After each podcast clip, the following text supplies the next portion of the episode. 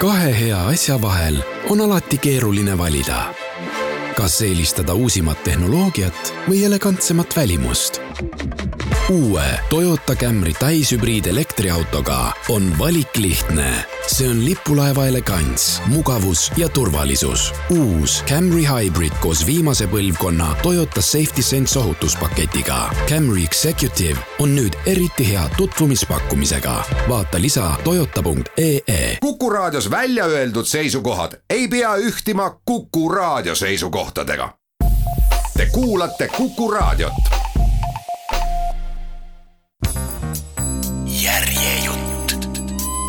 Michelle Marley, Madame Piaf ja armastuse laul. kirjastuselt tänapäev. järjejutt. abc teatris kerkis eesriie ja laval seisis noor kahekümnendate eluaastate alguses mees. ta seisis lava serval projektori valgusvihus ning mõjus kauboi kehva koopiana tumedaid juukseid kattis õlgkübar, mis oli kitsa näo jaoks liiga suur. Ka särk ning püksid olid kiitsaka ja kõhna keha jaoks liiga laiad. esineja ei seisnud oma etteaste ajal mitte sirgelt, nagu oli tavapärane tippklassi kuuluvatele šansoonilauljatele, vaid õlad längus nagu mõni kolmanda klassi ööklubi laulja ja tegi samal ajal publikule silma tema lai naeratus tundus sama kohatuna nagu vahelehüüded Jipi-Jipi-Jee, millega ta vürtsitas oma lugu Tole plendu farvest. Mon Dieu. Edita ajas end toolil sirgu, heitis pilgu enda ümber ja imestas, et publik ei vilistanudki laval esinejat välja. kas võis tõesti olla, et välja müüdud saalis istuvad tuhat kakssada pealtvaatajat olid piinlikust etteastest vaimustuses? inimesed püsisid rahulikult oma kohtadel poolpimedas märkas Edith ühel ja teisel näol mänglemas isegi heatahtlikku naeratust. Kas ta oli tõesti ehk ainus, kellele esinemise juures mõni asi või siis pigem mitte miski ei meeldinud? nii kaugele ei saanud pariislaste tänulikkus ja sellega seotud imetlus kõige ameerikaliku vastu ometi minna prantslasele, kes mängis linna mainekaima muusikateatri laval maakast naljamuusikut, ei saanud Edith ka parima tahtmise juures ja heale huumorimeelele vaatamata plaksutada. Ta on itaallane. mida? võpatas Edith. kas ta oli kritiseerinud valjul häälel? kes veel peale tema saatjate teda kuulda võisid? mitte, et ta kunagi oma arvamust varjanud oleks või teiste arvamusest midagi hoolinud oleks. ent just hiljuti oli ilmnenud, et tal on vaenlasi, kes soovisid tema elu raskeks teha. see veel puudus, et homme seisaks lehes, mida arvab Edith Piaf niinimetatud talentidest, nagu see kõõrutaja siin teda Ameerika vastaseks ja seega ilmselt ka Prantsuse vastaseks tembeldav meediakajastus oli viimane asi, mida ta praegu vajas. tahtmatult vajus ta kühmu, tegi end teadlikult veelgi pisemaks, kui ta juba oli. ta on itaallane, sosistas Louis Barrier uuesti. Editi uus impressaario istus tema paremal käel laua ääres, mis asus saali keskosas ja lava lähedal, kus akustika ning nähtavus olid eriti head. mis tähtsus sel on? vastas Edith pahuralt. ent nagu poleks ta midagi öelnud, lisas ka tema vasakul käel istuv ajakirjanik ja tekstikirjutaja Ori Conto vaikselt. Yves Montand on pseudonüüm. tema isa põgenes fašistide eest Marseille'sse. Meie sõbra tegelik nimi on Ivo Liivi. sõber Editi kulmud kerkisid. ta silmad liikusid esineja ja Ori vahet. ka parima tahtmise juures ei suutnud ta mõista, mida Ori selles Yves Monteaus ometigi leidis. ehkki Edith oleks just sel õhtul istunud meelsamini mõnes Montmartre'i baaris ja joonud, oli ta vastu tahtmist Ori kutse vastu võtnud, mille too, nagu selgus, oli esitanud ka Louis'le Edith andis pea alati oma sõprade palvetele järele, see oli üks tema nõrkustest. vahel ta küll püüdis end välja vingerdada, sest mitte alati ei palutud temalt kasulikke teeneid, kuid üldiselt andis ta enamasti ikka järele. seekord ei olnud asi mitte rahas, vaid eelseisvas esinemises legendaarse Moulin Rouge'i taasavamispidustustel. Editi esimene valik eelkava partneriks oli olnud Roger Dunn, kuid Dunnil ei olnud võimalik Pariisi tulla seepärast tahtsid Editi mõlemad toetajad tutvustada talle täna õhtul lauljat, kes ei olnud lihtsalt asendaja, vaid midagi palju paremat. nii vähemalt olid nad arvanud. Kuid mõte ilmuda lavale koos selle andetu noormehega tundus Editile lihtsalt grotesksena. niisugune veiderdaja nagu see tüüp siin ei sobinud ilmselgelt Editi kavaga ja ausalt öeldes ka abc-sse mitte. mida kauem ta esinemist vaatas, seda kindlamaks muutus tema äraütlev otsus. ka kostüümivahetus ei teinud midagi paremaks. Laulja tõmbas valge särgi peale võltsteemantitega kaunistatud pintsaku ja nüüd ta mitte lihtsalt ei mõjunud klounina, vaid nägi ka kloun välja, ehkki üritas samal ajal siiski jätkuvalt mängida võrgutajat. ta jäljendas suursugust Jalt Reneed ja laulis tolle laulu Swing Troubadour ning justkui poleks tema väljanägemine juba piisavalt piinlik, üritas see kobakäpp veel ka Fred Astaire moodi steppida. Ent tantsida oskas ta sama vähe kui laulda. esinemine mitte ainult ei ärritanud Editi, vaid tundus talle sõna otseses mõttes isikliku solvanguna. abc oli endiselt Pariisi kaalukaim muusikateater. selle head mainet ei olnud muutnud ei juhtkonna vahetus, okupatsioon ega ka sõda kõik suured staarid olid siin vahepealsete aastate jooksul oma edu tähistanud. Ent ennekõike oli tegemist lavaga, millele Titt oli teinud oma debüüdi šansoonilauljana, just samamoodi, nagu seda praegu püüdis teha too Yves Montand. Editil oli olnud kolmkümmend minutit, vähem kui Montaul. ta oli astunud lavale soojandusesinejana ning lahkunud vastse staarina pisike naine suure häälega, tookord kõigest kahekümne ühe aastane, valge pitskraega lihtsas mustas kleidis, nii pretensioonitu kui üldse võimalik. esimese suure esinemise järel nõudis publik ühe lisaloo teise järel. muusikakriitikute sulest lendas aga järgmisel päeval ainult kiidusõnu. Edith oli selleks esinemiseks rängalt vaeva näinud nädalate kaupa ei saanud ta pea üldse sõba silmale, sest ta õppis, nagu talle öeldi, saama isiksuseks. Vaev oli seda väärt, sest pärast mälestusväärset kahekümne kuuendat märtsi tuhat üheksasada kolmkümmend seitse tundis igaüks Pariisis nime Edith Piaf. ta ei olnud enam Lamont Piaf, iseäralik väike nipsakas tüdruk, vaid täiskasvanud naine kes teadis, kuidas käituda ja end väljendada. mis kõik tema elus muutunud polnud. ta ei osanud mitte ainult nuga ja kahvlit õigesti käes hoida ega riietunud enam nagu tsirkuseprintsess. temast oli tõepoolest saanud haritud noor naine tõeline raamatukoi, kes hindas intellektuaalseid arutelusid ning kelle kõnepruuk ei meenutanud enam tänavakeelt. ta oli isiksus loodud Raymond Assau poolt. ja nii nagu professor Higins Ovidiuse antiikmüüdi ainetel kirjutatud George Bernard Shaw näidendis, tegi ka Editi Pygmalion kõik õigesti, olgugi et kaotas erinevalt kirjanduslikust kangelasest naise lõpuks ikkagi kergendusega märkas Edith, et tänaõhtuse debüüdi aplaus jääb tagasihoidlikuks. õhus oli siiski tunda teatud heatahtlikkust võimalik, et mõne proua poolt isegi vaimustust, ent kõõrutaja naistoetajad ei olnud kindlasti mitte ülekaalus. ma ei ole oma intuitsiooni siiski kaotanud, käis Editil peast läbi, kui saali tuled järgemööda põlema lõid ning algas üleüldine vaheajaeelne sagin. Yves Montand sobib suurepäraselt teie esinemise avanumbriks, ütles Louis Barrier, keda Edith nimetas tuttavlikult Luluks ehkki mees jätkas rangelt naise teietamist. kas te olete hulluks läinud?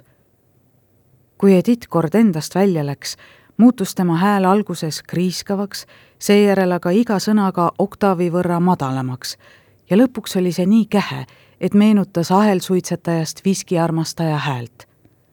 see mees laulab halvasti, ta tantsib halvasti ja tal ei ole mingit rütmitunnet. Marseille's Alcatrasis oli ta üsna edukas. ka Nice'is, Toulounis ja Aix-en-Provence'is on Yves Montand juba esinenud Louis haaras laualt veiniklaasi, mille põhjast leidis veel ühe viimase lonksu. Yves Montand, kordas Edith halvustavalt. kes küll sellise nime välja mõtles? Montand tähendab muusikas järsult kõrgemaks muutuvaid helisid. kas see tüüp peab end kõrgustesse tõusjaks? ta on suur ümmargune null. Louis vahetas Henri'ga abitu pilgu, kuid too vaikis ja kallutas veini lõpu ühe korraga kõrist alla mõjudes ebatavaliselt meeleheitlikuna. ma tahan esineda koos Roger Dunniga. seda ma tean. Henry lajatas klaasi lauale. aga Roger Dunn on maalt lahkunud ega saa Pariisi tulla. praegusel ajal ei ole miski lihtne. nii see tõepoolest oli. kes oleks seda sel õhtul paremini mõistnud kui Edith? ta tõi kuuldavale kurva naeru isegi kui Ivo Liivi kasutaks teist, veidi vähem suurustavat pseudonüümi ja mängiks veidi vähem naeruväärset tegelast, ei tahaks Edith teda oma tiiva alla võtta. ka välimust ja olekut kõrvale jättes ei uskunud Edith noore mehe repertuaari. praegu võisid ju pariislased vaimustuda kõigist sedalaadi ameerikalikest lauludest, võisid isegi nätsu närida, ent sellel kõigel ei olnud mitte mingit pistmist prantsuse identiteediga kui kaua kavatsesid tema kaasmaalased seda maha salata? kas ei võinud mitte eeldada, et publiku maitse peagi jälle muutub? Pariis vabastati juba mitu nädalat tagasi, kuid Grand Nation põhja- ja idapoolsetes piirkondades möllas sõda edasi ja peamiselt suusõnalises ja propagandavormis saabuvate vastuoluliste sõnumite tõttu muutus prantslaste igapäevaelu pidevalt. keegi ei suutnud olla rahulik praegune rahu oli habras, ebakindel. ning muremõtete eemale peletamiseks pidutseti nii, nagu homset ei tulekski. miski ei ole kindel, mõtles Edith. isegi mitte minu kokkulepe Moulin Rouge'iga. ent sellest ei teadnud midagi ei Lulu ega ka Ori, tema armuke. ka ta ise oli katastroofist alles täna teada saanud. armas momm meelitas Hori. kuula palun Yves Montaud veel kord, äkki mõnes proovis. mis seal siis teisiti oleks? tema riietus ja ma ütlen talle, et ta laulaks mõnd vana šansooni. kas ta ühtegi uut ei tea? nähvas Edith. Ori tõi kuuldavale ohke ja mängis oma tühja veiniklaasiga, lükates seda laual rahutult edasi-tagasi ehk peaks ta oma käsi kasutama hoopis selleks, et haarata Edith sülle ja vedada ta lava taha tolle lõunaprantslase garderoobi. mul ei olnud täna just kõige parem päev, tunnistas Edith ja kinkis mehele vabandava naeratuse. Ori ei olnud mitte ainult tema armuke, kellest ta oli korduvalt lahku läinud ja kelle juurde ta oli sama tihti jälle naasnud, vaid ka sõber, kes soovis talle ainult head ja kes omakorda Edithi alati usaldada võis. Louis Barriega ei olnud lood teisiti. temaga ei läinud Edith küll voodisse, kuid ta hindas mehe lojaalsust ning soovis seda ka välja näidata. seepärast teatas ta lõpuks armulikult. kuna te nii väga tema küljes ripute, olen ma valmis Monsieur Montaud veel kord kuulama. ja kahetsen oma nõusolekut iga viimse kui takti juures lisas Edith mõttes. Ori lõi särama, sa ei kahetse, tal on tõesti potentsiaali. ning Lulu lisas innukalt juurde. kohe homme ei, katkestas Edith teda. ei, ei, ei. ma ei taha kindlat aega paika panna, mitte praegu. pealegi on mul homme vara juba üks teine asi planeeritud ta ütles seda nii mööda minnes, nagu oleks tegu täiesti tähtsusetu randevuuga ometi ei olnud eelseisev kohtumine sugugi romantiliste killast. La Bon Franquette oli traditsiooniderohke, veidi vanamoeline restoran ümbrusele tüüpilises hoones, mille parimad aastad olid ilmselt olnud Belli Poki ajastul ja vahetult pärast suurt sõda, mil siin olid püsikundadeks Aristide Brüot ja Toulouse-Lautrec, Zola ja Monet ning teised oma aja kuulsaimad kunstnikud. Seinu kaunistasid varasemate külastajate pildid ja Edith mõtles iga kord, kuidas küll oli omanikul õnnestunud neid teoseid fritsude rünnakute eest kaitsta. Edith tundis elavaloomulist restoranipidajat ja teadis siinset suurepärast kööki ning mõistlikku hinnataset juba tüdrukueast siis oli ta tänaval seistes oma nina vastu tillukesi aknaruute surunud. hiljem oli temast saanud püsikunde ning mõned korrad oli ta siin ka laulnud. sel õhtul nautis ta pika laua ääres istudes sõprade ja kolleegide tähelepanu, head teenindust ning suurepärast veini, aga ka ligiastuvate autogrammi paluvate külastajate tunnustust tema kõrval istus Ori, kes üritas igati tema tähelepanu püüda kuid Editi silmad liikusid ikka ja jälle laua teise otsa. Hotellitoast trotslikult lahkunud kõrgist noorukist ei olnud suurt midagi järel. Edith isegi kahetses, et oli Iivi nii julmalt kohelnud. veidike suurustlemist ei teinud kunagi kahju. ent Yves Monteau mõjus restoranis ootamatult kohmetunud ja abituna. oli näha, et ta ei tundnud end oma naeruväärses pintsakus kuigi hästi ka paistis ta istuvat esimest korda laua taga, mis oli kaetud mitmete linade, erinevate suuruse ja kujuga taldrikute ning mitme käigu tarvis vajaminevate nugade kahvlitega. lõbustatult jälgis Edith, kuidas mees toidunõusid siia-sinna nihutas ega teadnud, millist kahvlit eelroa jaoks kasutada. mehe abituse tõttu tundis Edith temaga veel tugevamat sidet Iivi silmad muutusid serveeritavate toitude mitmekesisust ja rohkust nähes aina suuremaks. Õhtustaari hellitati neil päevil harva esineva kulinaarse üleküllusega.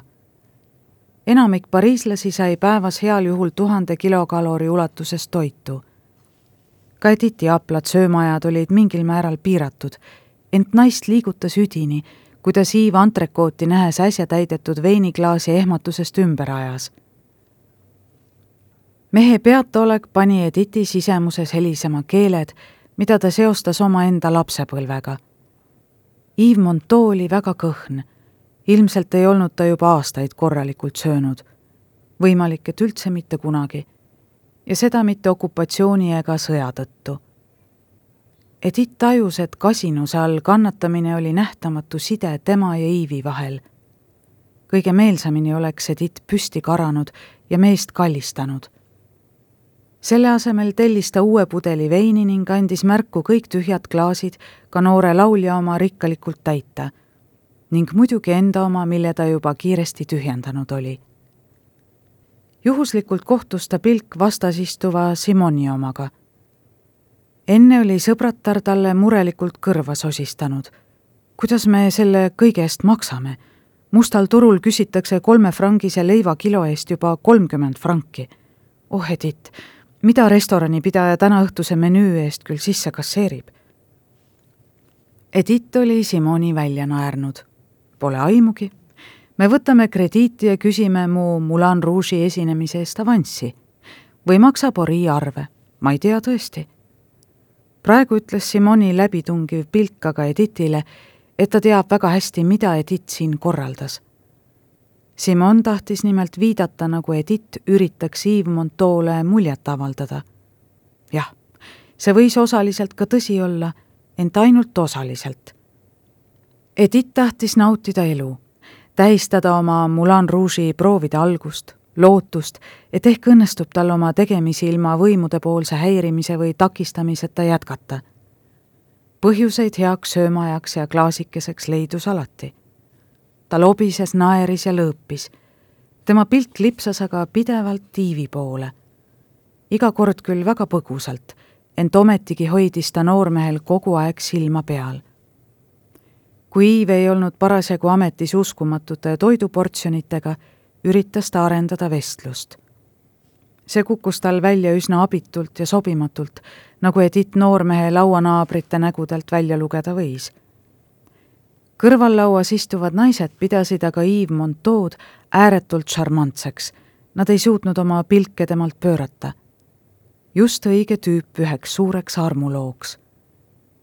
Edith patsutas endale mõttest tunnustavalt õlale, ilmselgelt oli ta mehe mõju naistele õigesti hinnanud juustu serveerimise ajaks võttis Iiv lõpuks ka pintsaku seljast. Mees muutus hetkega nii palju kordi külge tõmbavamaks, et isegi Edith jäi silmapilguks keeletuks. mehel oli taas seljas lihtne valge särk, lipsu ei olnud ja särgi ülemine nööp oli avatud. ta nägi oivaline välja. Iiv pöördus kelnerile ruumi tehes korraks kõrvale, tabas juhuslikult Edithi pilgu ning vastas sellele häbitu imetlusega. Editi nägu lõi särama kui päikeseline aas. korraga olid kadunud kõik teda ümbritsevad helid ja Ori äsjane küsimus. üheks lühikeseks hetkeks valdas Editi tunne, nagu oleks ruumis vaid tema ja Iiv. Edith mõtles, kui ilus on elu sel õhtul, kaunis ning täiuslik nagu punane roos ja ta peas helises tilluke šansoon armastusest, õnnest ja ühtekuulumisest. Laulusõnad tekkisid justkui iseenesest. ta ei olnud neid kunagi kuulnud ega laulnud, ent need tükkisid talle pähe, nagu loeks ta neid kusagilt sõna-sõnalt maha. jaa, mõlgutas ta, pilk Yves Montaux silmades. elu on tõesti lihtsalt imeline. La vie au rose. Edith astus tema juurde põimis sõrmed ümber toolileeni, et olla küll mehe lähedal, ent mitte teda puudutada. ma kohtasin üht meest, kes äratas minus huvi kirjanduse vastu. ta on minu parim sõber, hingesugulane. tänu temale õppisin ma tundma nii klassikuid kui ka kaasaegseid autoreid. Need siis ei ole laulutekstid? ei. Edith muheles. ei, need ei ole šansoonid, vaid näidendid, lüürika ja proosa lugemine, sõnade kõla tunnetamine on minu jaoks väga tähtis. samamoodi on see oluline meie muusikakeele jaoks, meie väljenduse ning meie laulmise jaoks, kas mõistad? Iiv oli kõhklev. ilmselt ei suutnud ta siiski päris selgelt taibata, mida Edith silmas peab. ma olen saavutanud edu, ilma et oleksin iial mõnda Ameerika või Prantsuse kirjanikku lugenud, teatas ta lõpuks isepäiselt põgusa ja pikas perspektiivis tähtsusetu edu, täpsustas Edith, seekord kannatlikumalt kui muidu hm.. kostis Iiv pead raputades.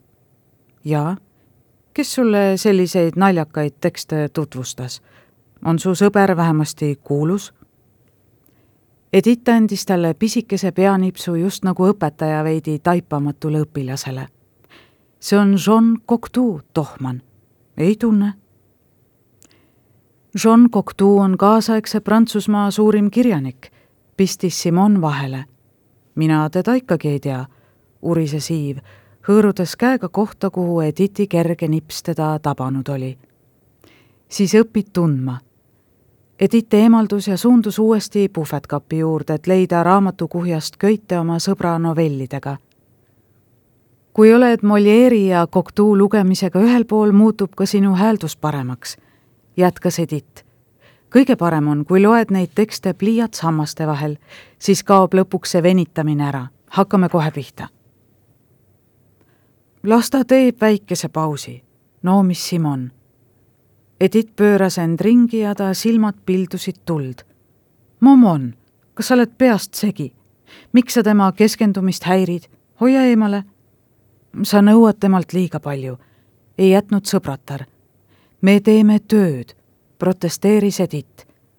ta vaatas lootusrikkalt Iivi poole, ootuses näha märguannet, et mees on temaga ühel nõul.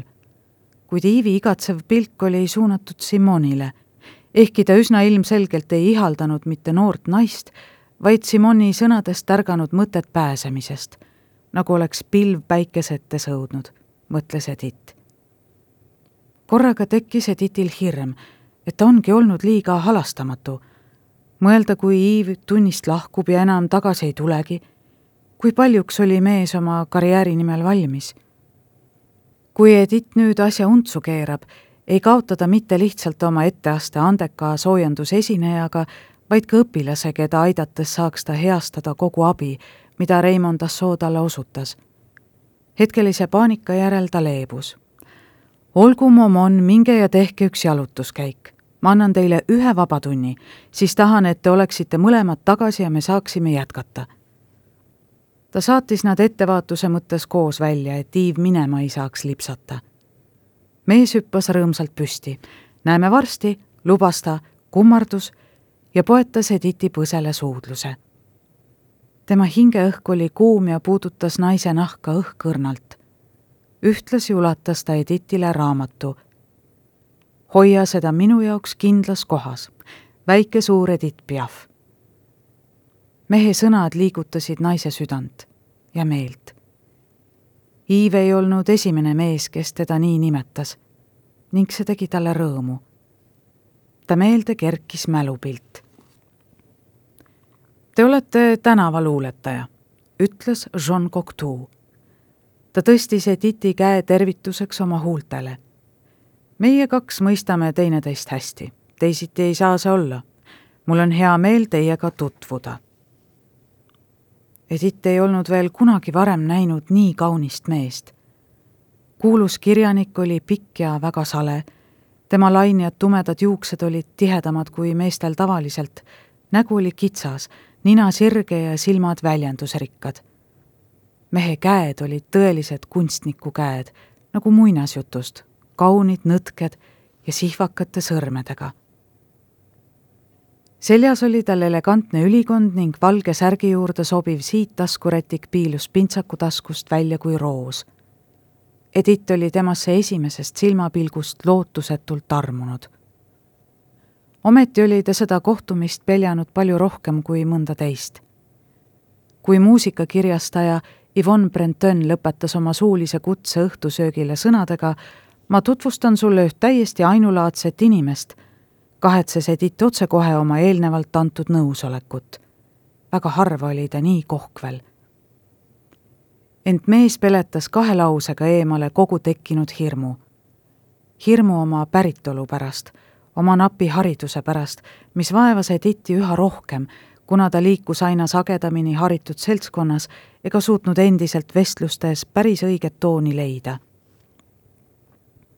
Jean Cocteau lauanaabrina kadus Edithi häbelikkus. ta naeris ja lobises, justkui oleksid nad tõesti üdini sarnased. vestlusteemad olid nüüd kuus aastat hiljem meelest läinud, kuid imestus mehe teadmiste üle mitte. Edithile oli tundunud, et mees teab kõike, absoluutselt kõike. mehe iga sõna oleks olnud justkui kulda väärt, iga tähendus justkui uueks loodud ja mehe kaunite žestide abil esile tõstetud. veel praegugi oli Edith tema jutust võlutud. Jean Cocteau hüvasti jätuks öeldud sõnad jäid Edithile igaveseks meelde. me peame uuesti kohtuma. külastage mind, millal iganes soovite. väike Piaf, kes ometigi on nii suur. Edith oli valetanud nii prefektuuris kui ka komisjoni ees samuti sõpradele ja kolleegidele. ei vastanud tõele, et ta polnud mitte kunagi ühegi sakslasega voodisse läinud. kui pikalt püsib tõde valevarjus? mine tea, ehk oli küsimus kõigest paaris päevas ja BCF-i käepaelaga politseinikud arreteerivad ta. siis ei langeta puhastuskomitee mingil juhul teda soosivat otsust niipea kui selgub, et Edith on neid petnud, ei anna sõbralik eesistuja talle enam armu. siin ei muudaks ka TD tunnistus enam midagi. sada kakskümmend võltsitud passi ühe vale vastu, mis kaalus vabastamisest saadik üles kõik muu. ta heidetakse vangi, võimalik, et isegi Põhja-Pariisi kurikuulsasse Drancy laagrisse. ta pannakse luku taha, ta ei tohi enam näha taevast, vabalt liikuda, käia tänavatel, oma tõelises kodus ja seda kõike vaid põhjusel, et oli kord ühe sakslase oma voodisse lasknud. Edith, kõlas meeshääl. käsi vajus raskelt naise õlale ja raputas teda. politsei oligi juba kohal, et teda ära viia. Edith tõmbas jalad konksu, üritas end kokku suruda, võimalikult pisikeseks teha, ehk ei pane tema vihkajad teda siis tähele. aga nad olid teda alati tähele pannud. Edith. Miks kõlas hääl nii usalduslikuna? mehe haare oli peaaegu jõhker, kuid mõjus kummaliselt tuttavlikult Edith oli liiga väsinud, et oma ettekujutlusi täpsemalt analüüsida. ent ta sai aru, et viibib kusagil une ja ärkveloleku piiril. kuid mis oli uni ja kust algas reaalsus? naise käed ja jalad tundusid tinarasked. Kas oli ta vastupanu osutamise vältimiseks kinni seotud? mõne hetke pärast suutis ta siiski üllataval kombel oma kätt liigutada. tal õnnestus unemask laubale lükata väsinud silmad vaatasid pimedusse. Iiv kummardus üle tema. mehe käsi surus raskelt õlale. hallikas valguses paistis mehe nägu kui läbi udu, kuid sellest hoolimata oli see selgelt vihane. Nüüd hakkasid ka teised ümbritsevad kontuurid selgemaks muutuma. Edith oli Marseille hotellis Regina, ühes voodis koos Iiviga paistis, et nad olid ikkagi kahekesi ühtegi politseiametnikku silma ei hakanud. Edith. Iivi hääl kõlas teravalt. Edith haigutas. mis lahti? keda sa unes nägid? Hüppas Iiv talle peale. sa rääkisid unes, aga ma ei saanud midagi aru. kas sa nägid unes mõnda oma armukest? jah, mõtles Edith, nii see tõesti oli. ja üht vale tõde jõudis ta teadvusesse ning kohutas teda. kerkiv paanika, üleväsimus ja pahameel teda üles ajanud ning kahtlustavaid küsimusi esitava Iivi vastu panid ta kähvatama. käi kuradile! ent tegelikult ei pidanud Edith üldse silmas Iivi, vaid oma musti mõtteid. ma ei taha, et sa teisi mehi unes näed, jauras Iiv edasi. ma abiellun sinuga ja sinu elus ei tohi olla ühtki teist meest kuidas võis ta küll panna oma abielu ettepaneku nii võimatusse konteksti? ja kas oli tegemist üldse ettepanekuga või pigem lihtsalt fakti konstanteerimisega, mille kohta Edithi arvamust üldse ei küsitudki? Edithi meeleheiteks tabas teda nüüd ka pettumus. oleks Iiv ometi natukenegi romantilisem vähemalt nende ühise tuleviku osas puudus mehel õige silmapilgu valimiseks igasugune oskus sest Iiv ei võtnud sel teemal sõna sugugi mitte esimest korda. jäta mind rahule, nähvas Edith uuesti. ta tõmbas unemaski silmade ette, pööras mehele selja ning teeskles magamist. Iiv ohkas valjult, ent ei liigutanud ennast. hoolimata tülist vajus ta kiiresti taas unne. Edith seevastu lebas veel pikalt ärkvel ning kuulatas mehe rahulikku hingamist lõpuks ärgates ja unemaski silme eest lükates tundis Edith end ootamatult välja puhanuna. hotellituppa paistis ere päike. ilmselt oli ta pikalt maganud. see oli hea. Ja see teadmine peletas eemale nii hirmu kui ka pahameele Iivi mõtlematu käitumise üle. ta keeras end ringi ja märkas pooleldi avatud uksepraost oma armsamat, kes seisis kraanikausi ees ja ajas habet Iiv pidi enda peeglist nägemiseks põlved nõtku laskma, sest peegel oli tema kehaehitusega mehe jaoks ilmselgelt liiga madalal. mehe puusade ümber laperdasid pidžaamapüksid, ülakeha oli paljas ning Edith jälgis mehe selga, lihaste mängu õlgadel ja käsivartel. ta pilk liikus mööda mehe selgroogu allapoole ja ta soovis teha sama oma sõrmeotstega vähemalt kinnitab Iivi armukadedus armastust minu vastu, mõtles Edith. tere hommikust, hüüdis ta mehele. Iiv pööras end ringi. tema naeratus uppus osaliselt põski katvasse seebivahtu. Oma perele külla minekuks pean ma end korralikult raseerima, selgitas ta heatujuliselt. isa ei andestaks mulle kunagi enda hooletusse jätmist, eriti veel, kui ma emale oma kihlatut tutvustan selle teate järel keeras ta end uuesti peegelpildi suunas. ja jälle, vihje pulmaplaanidele. taas ei olnud tegemist just kõige sobivama hetkega, kuidagi nii mööda minnes. ent Edith ignoreeris kerkivat ärritust, ehkki ei öelnud ka midagi kinnituseks. hirm kodanliku elu ees, selle elu ees, mille juures ta nii pikalt oli põgenenud, muutus pikkamööda väiksemaks ta kinkis Iivile naeratuse, mida mees ei näinud ja mis riivas vaid mehe selga. ent esimest korda oleks sellest võinud lugeda välja nõusolekut. järjejutt. Michelle Marley, Madame Piaf ja armastuse laul kirjastuselt tänapäev. järjejutt